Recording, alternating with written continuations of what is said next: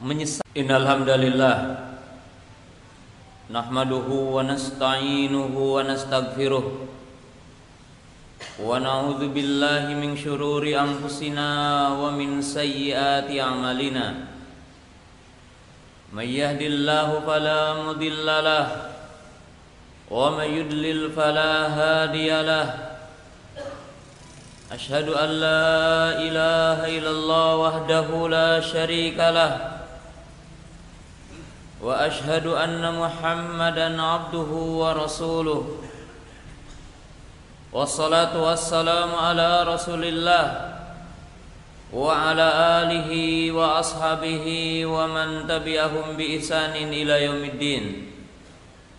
يا أيها الذين آمنوا اتقوا الله حق تقاته ولا تموتن إلا وأنتم مسلمون.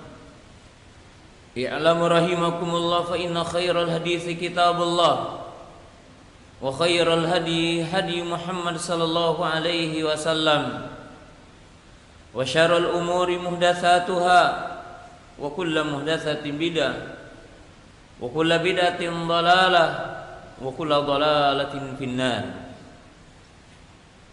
وقد قال الله تعالى والعصر إن الإنسان لفي خسر ila alladziina amanu wa 'amilus solihat wa tawasaw bil haqqi wa tawasaw sabri. Kaum muslimin sidang Jumat yang dirahmati Allah Subhanahu wa taala. Allah taala di dalam Al-Qur'an sering sekali bersumpah dengan waktu dan jenis-jenis waktu. Seperti Allah berfirman wal fajri walayalin ashar wasyaf'i wal wad wasyamsi wa duhaha wadduha wal laili idza saja dan ayat-ayat yang lain yang Allah Subhanahu wa taala bersumpah dengan waktu. Dan Allah telah menyatakan dalam ayat yang tadi demi masa demi waktu sesungguhnya manusia semuanya rugi kecuali orang-orang yang menunaikan empat perkara. Iman amal saleh berdakwah kepada Allah dan dalam kesabaran. Dalam kalimat yang singkat ini saya ingin menjelaskan tentang waktu dan apa yang dibicarakan dalam Al-Quran dan dalam Sunnah Rasulullah Sallallahu Alaihi Wasallam tentang waktu dan apa yang semestinya diketahui oleh seorang mukmin tentang waktu. Ada beberapa hal yang wajib diketahui oleh setiap mukmin. Poin yang pertama, seorang mukmin wajib mengetahui waktu adalah untuk ibadah. Waktu adalah untuk taat. Waktu adalah untuk beramal saleh. Sebagaimana Allah Ta'ala berfirman, "Wa ma khalaqtul jinna wal insa illa liya'budun." Wa'bud rabbaka hatta ya'tiyakal yaqin. Alladzi khalaqal mauta wal hayata liyabluwakum ayyukum ahsanu amala. Ya ayuhan nasu budu rabbakum alladzi khalaqakum wal ladzina min qablikum la'allakum tattaqun. Allah Subhanahu wa taala memperingatkan manusia dan memperingatkan kita sebagai orang mukmin bahwa waktu adalah untuk amal, waktu adalah untuk ibadah. Maka barang siapa yang diberikan jatah umur oleh Allah taala dan diberikan nikmat waktu lalu ia tidak menjadikannya sebagai sarana untuk ibadah kepada Allah, maka dia telah maksiat kepada Allah. Karena Allah berfirman dalam ayat-ayat yang tadi, tidaklah aku menciptakan jin dan manusia kecuali agar mereka beribadah kepadaku, kecuali agar mereka mentauhidkanku. Dalam ayat yang lain Allah berfirman, "Wa'bud rabbaka hatta yatiyakal yakinu." Beribadalah kepada Rabbmu sehingga datang kematian. Dan dalam ayat yang lain Allah berfirman, "Wahai manusia, beribadalah kepada Rabbmu yang telah menciptakan kamu dan telah menciptakan orang-orang sebelum kamu yang telah menciptakan langit telah menciptakan bumi, maka tujuannya adalah untuk kita beribadah kepada Allah. Dalam ayat yang lain Allah berfirman, "Dialah yang menciptakan hidup dan mati untuk menguji siapa di antara kamu yang paling baik amalnya." Lalu Allah berfirman dalam surah Ali Imran, "Ya ayyuhalladzina amanu taqullaha haqqa tuqatih wa la tamutunna illa wa antum muslimun." Wa qala Nabi sallallahu alaihi wasallam, "Ittaqullaha haitsu ma kunta." Dalam ayat dan hadis ini menunjukkan bahwa seorang mukmin mesti menjaga ketakwaannya dalam setiap masa, dalam setiap tempat. Makanan wa zamanan, waktu dan tempat diisi dengan ketakwaan. Kaum muslimin jemaah yang dirahmati Allah taala. Ini adalah poin yang pertama. Sedangkan poin yang kedua apa yang diingatkan Allah Ta'ala kepada kita tentang waktu. Dan apa yang diingatkan oleh baginda Nabi SAW tentang waktu. Bahwa Allah memperingatkan kita. Bahwa manusia akan terbagi kepada dua dengan waktu ini. Kelompok yang pertama Mereka orang-orang yang menyesal Ketika dalam dua keadaan Ketika syakratul maut dan ketika yaumul kiamah. Dan kelompok yang kedua yang mereka berbahagia. Mereka mendapatkan ketentraman dan kenyamanan dalam dua hal tadi. Ketika syakratul maut dan ketika berada di yaumul kiamah. Siapa mereka? Orang-orang yang beriman, orang-orang yang bertauhid dan orang-orang yang bertakwa yang memenuhi waktunya dengan ibadah. Allah berfirman, "Innalladzina qalu rabbuna Allah, tsumma istaqamu tatanazzalu alaihimul malaikatu alla takhafu wa la tahzanu wa abshiru bil jannati allati kuntum tu'adun." Sesungguhnya orang-orang yang berkata Rabb kami adalah Allah, mereka beriman kepada Allah, mereka mentauhidkan kepada Allah, sumastaqamu, kemudian mereka beramal saleh, istiqomah dalam taat kepada Allah, Istiqomah dalam melaksanakan perintah Allah. Istiqomah dalam menjauhi larangan-larangan Allah. Maka akan turun kepada mereka ketika sakratul maut. Para malaikat mengatakan janganlah kamu bersedih dan janganlah kamu takut. Dan kabar gembira bagi kalian adalah surga. Demikian juga ketika dikumpulkan di arah setil kiamah mereka diberikan kabar gembira dan kenikmatan karena mereka telah menunaikan kewajiban Allah di dunia sementara orang-orang yang kafir orang-orang yang musyrik orang-orang yang durhaka dan orang-orang yang melalaikan waktu dengan urusan dunia semata maka setiap di antara mereka akan menyesal dalam dua kondisi. Yang pertama adalah menyesal ketika sakratul maut. Allah berfirman dalam surah Al-Munafikun ya ayyuhalladzina amanu la tulhikum amwalukum wa wala auladukum an dzikrillah wa may yaf'al dzalika fa ulaika humul khasirun. Wa anfiqu mimma razaqnakum min qabli ayati ahadakumul maut.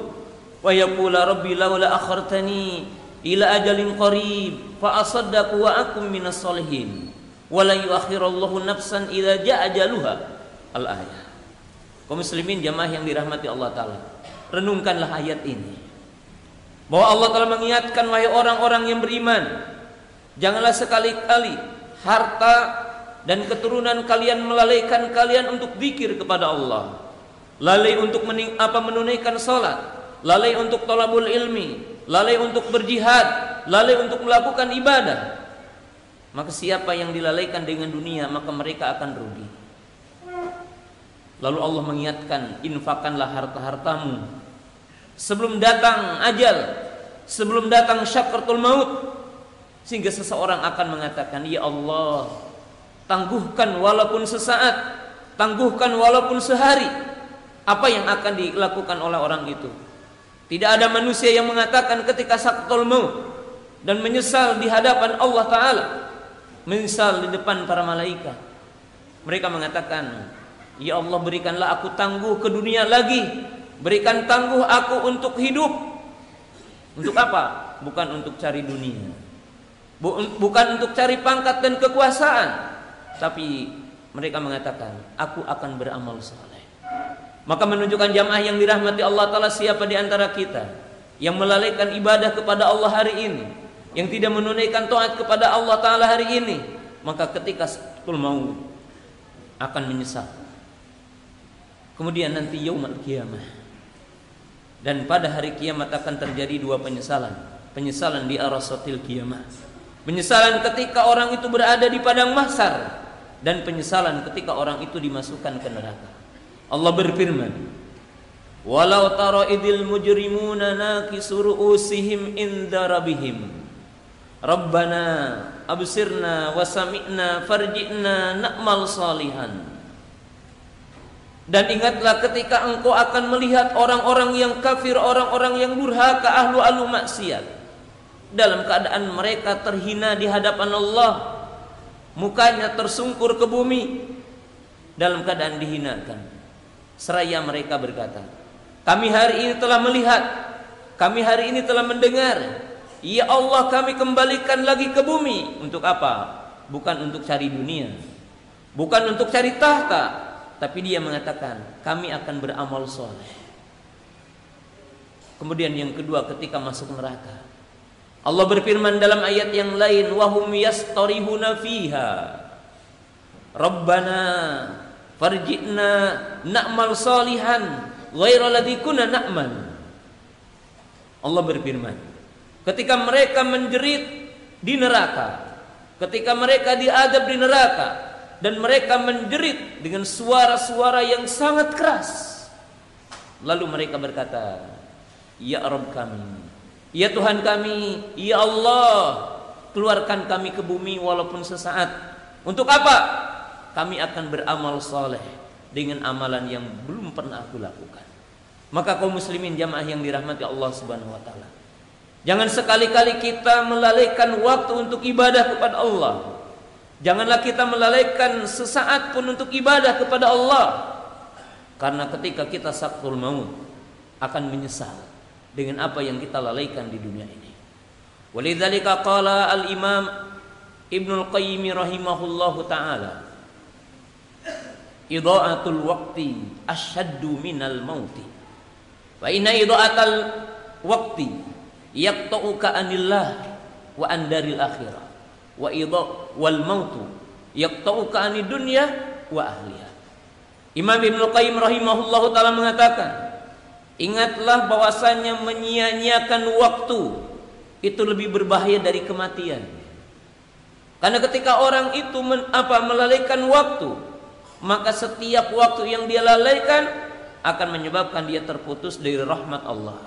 Akan terputus dari keriduan Allah, akan terputus dari magfirah Allah taala Tidaklah ketika orang itu melalaikan wudhu dalam setiap saat, dia akan terlalaikan dari keutamaan bahwa wudhu itu akan menghapus dosa.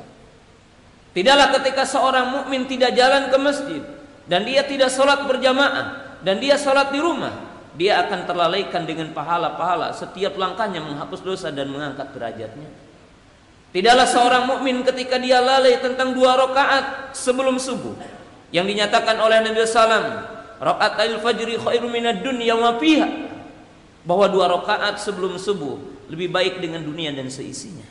Orang yang melalaikan satu waktu saja untuk ibadah kepada Allah, kesempatan yang dimiliki, maka dia terputus dari rahmat Allah, terputus dari maghfirah Allah. Dan dia pun akan terputus dengan surga, kenikmatan-kenikmatan surga.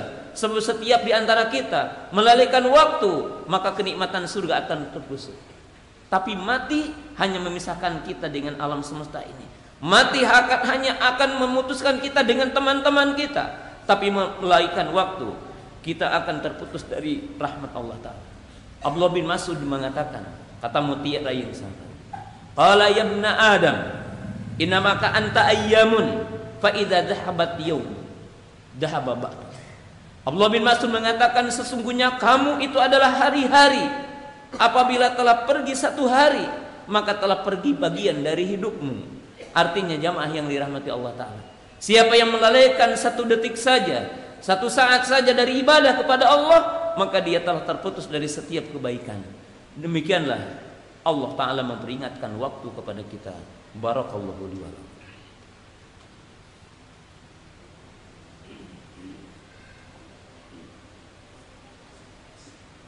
Alhamdulillah hamdan katsiran tayyiban mubarakan fi kama yuhibbu rabbuna wa yardah asyhadu an la ilaha illallah wahdahu la syarikalah wa asyhadu anna muhammadan abduhu wa rasuluh. Wa salatu wassalamu ala rasulillah wa ala alihi wa ashabihi wa man tabi'ahum bi ihsanin ila yaumiddin amma ba'du. Kaum muslimin sidang Jumat yang dirahmati Allah taala. Kemudian yang poin yang ketiga Allah dan Rasulnya memperingatkan waktu kepada poin yang sangat agung. Nabi SAW mengatakan, Al khairu fi bukuriha. Wa qala Allah Ta'ala fastabiqul khairat. Wa qala Allah Ta'ala sabiqu ila magfiratim min rabbikum. Wa qala Allah Ta'ala wasari'u ila magfiratim min rabbikum wa jannatin. Al-ayat. Kaum muslimin jamaah yang dirahmati Allah Ta'ala. Ayat-ayat dan hadis-hadis menjelaskan kepada kita seorang mukmin tidak boleh melalaikan waktu yang paling awal, waktu yang paling baik. Karena di situlah keutamaan yang akan didapatkan oleh setiap mukmin. Rasulullah SAW memperingatkan tentang Jumat. Barang siapa yang datang pada jam yang pertama maka dia seperti berkurban dengan unta. Siapa yang sholat Jumat datang pada jam yang kedua seperti berkurban dengan sapi. Siapa yang datang pada jam yang ketiga seperti berkurban dengan kambing. Siapa yang datang pada jam yang keempat seperti dia berkurban dengan ayam. Dan siapa yang datang pada jam yang kelima seperti berkurban dengan telurnya. Lalu Nabi SAW mengatakan wal malaikatu yakumuna alal bab yaktubuna awal al fal awal Faidah ja'al imam tawitus suhub. Dan para malaikat berada di pintu-pintu masjid. Mereka mencatat setiap mukmin yang datang ke masjid. Apabila imam telah datang, maka dihap apa? Ditutuplah tulisan itu. Menunjukkan kaum muslimin jamaah yang dirahmati Allah Taala. Seorang mukmin tidak boleh mengatakan, saya nanti akan beramal. Tapi dia mengatakan, hari ini saya beramal. Nabi SAW mengatakan, Lau ya'lamun nasu ma fin nida'i wa ma fis awali Thumma la yajiduhuma illa idastahamu lastahamu. Kalaulah orang-orang tahu tentang keutamaan menjadi muadzin dan keutamaan beradan dan keutamaan berada dalam sop yang pertama, lalu mereka tidak mendapatkannya kecuali kalau diundi dan berlomba, maka mereka akan berlomba. Menunjukkan jamaah yang dirahmati Allah. Seorang mukmin tidak boleh mengatakan, saya akan memberikan sop yang pertama kepada orang lain Seorang mukmin tidak boleh mengatakan biarkan orang lain agan. Seorang mukmin mengatakan, saya mesti sop yang pertama. Saya mesti menjadi seorang muadzin. Demikianlah seorang mukmin. Kenapa? Karena di sinilah adalah amal yang terbaik. Bahkan Nabi SAW memperingatkan kepada kita, iktanim khamsan qabla khamsin. Perhatikanlah lima perkara sebelum datang lima perkara yang lain. Masa muda sebelum tua, sakit sebelum ketika sehat sebelum sakit dan seterusnya. Bahkan Nabi SAW mengatakan dalam hadis yang lain. Apa kata beliau? Badiru bil amal fitanan kakit atil lailil mudlima. Yusbihu rajulu mu'mina wa yumsi kafira. Wa yumsi mu'mina wa yusbihu kafira. Yabi'u dinahum bi aradi dunya. Bersegeralah kalian kepada amal. Sebelum datangnya fitnah. Sebelum datangnya kesesatan. Banyaknya kemaksiatan-kemaksiatan. Menunjukkan jamaah yang dirahmati Allah Ta'ala. Seorang mukmin beramal mesti yang terbaik. Beramal mesti yang paling pertama. Beramal adalah mesti yang paling baiknya. Dan demikianlah. Dia menggunakan waktu. Dan yang terakhir kaum muslimin jamaah yang dirahmati Allah Ta'ala. Yang bisa bisa sampaikan dalam kesempatan yang berbahagia ini. Nabi SAW menjelaskan dalam kaidah beramal. Dan para ulama menjelaskan dalam kaidah beramal. Jika dalam satu saat kita diberikan dua pilihan untuk beramal. Di mana kita tidak punya waktu kecuali saat itu. Sedangkan di situ ada dua amal. Maka orang mukmin mesti fakih memilih amal. Yang pertama adalah amal yang manfaatnya lebih besar. Amal yang pengaruhnya lebih besar. Oleh sebab itu Nabi SAW memberingatkan kepada amal-amal tertentu dari amal-amal yang lain. Contohnya Nabi SAW mengatakan, Idza mata ibnu Adam in qata amalu illa min salasin. Shadaqatun jariyah wa ilmun yuntafa'u bihi wa waladun salihun yad'u. Nabi SAW memperingatkan kepada tiga amal. Bukan berarti amal yang lainnya tidak penting, tapi menunjukkan orang mukmin ketika dia berada dalam satu waktu dan dia dihadapkan kepada dua amal, maka dia adalah mesti fakih. Kenapa? Karena orang mukmin berpacu dengan waktu, dengan keutamaan-keutamaannya. Dan sebagai penutup kita lihat seandainya pada tanggal 10 Julhijjah kita dihadapkan kepada dua poin antara kita berkurban, antara kita bersodakoh, maka para ulama mengatakan yang terbaik pada tanggal 10 Julhijjah adalah kita berkurban. Karena amalan yang terbaik pada hari itu adalah amalan berkurban yang merupakan sunnah Nabi Ibrahim alaihissalam dan sunnah Rasulullah sallallahu alaihi wasallam. Dan demikianlah orang mukmin. Fakih dengan waktu bagaimana orang mukmin beribadah kepada Allah Subhanahu wa taala. Kaum muslimin, jamaah yang dirahmati Allah Subhanahu wa taala. Mudah-mudahan Allah Subhanahu wa taala memberikan taufik dan hidayah kepada kita agar kita bisa mengoptimalkan waktu yang diberikan Allah kepada kita dengan ibadah dan taat kepada Allah taala. Rabbana la tuzigh qulubana ba'da id hadaitana wa hab lana min ladunka rahmah innaka antal wahhab. Rabbana innana amana faghfir lana dzunubana wa kaffir anna sayyi'atina wa tawaffana ma'al abrar. Rabbana hab lana min azwajina wa dzurriyyatina qurrata a'yun waj'alna lil muttaqina imama. Allahumma ansur muslimina fi kulli makan. Allahumma ansur muslimina fi Palestina. Rabbana atina fid dunya hasanah wa fil akhirati hasanah. Wa qina adzabannar. Wa aqimus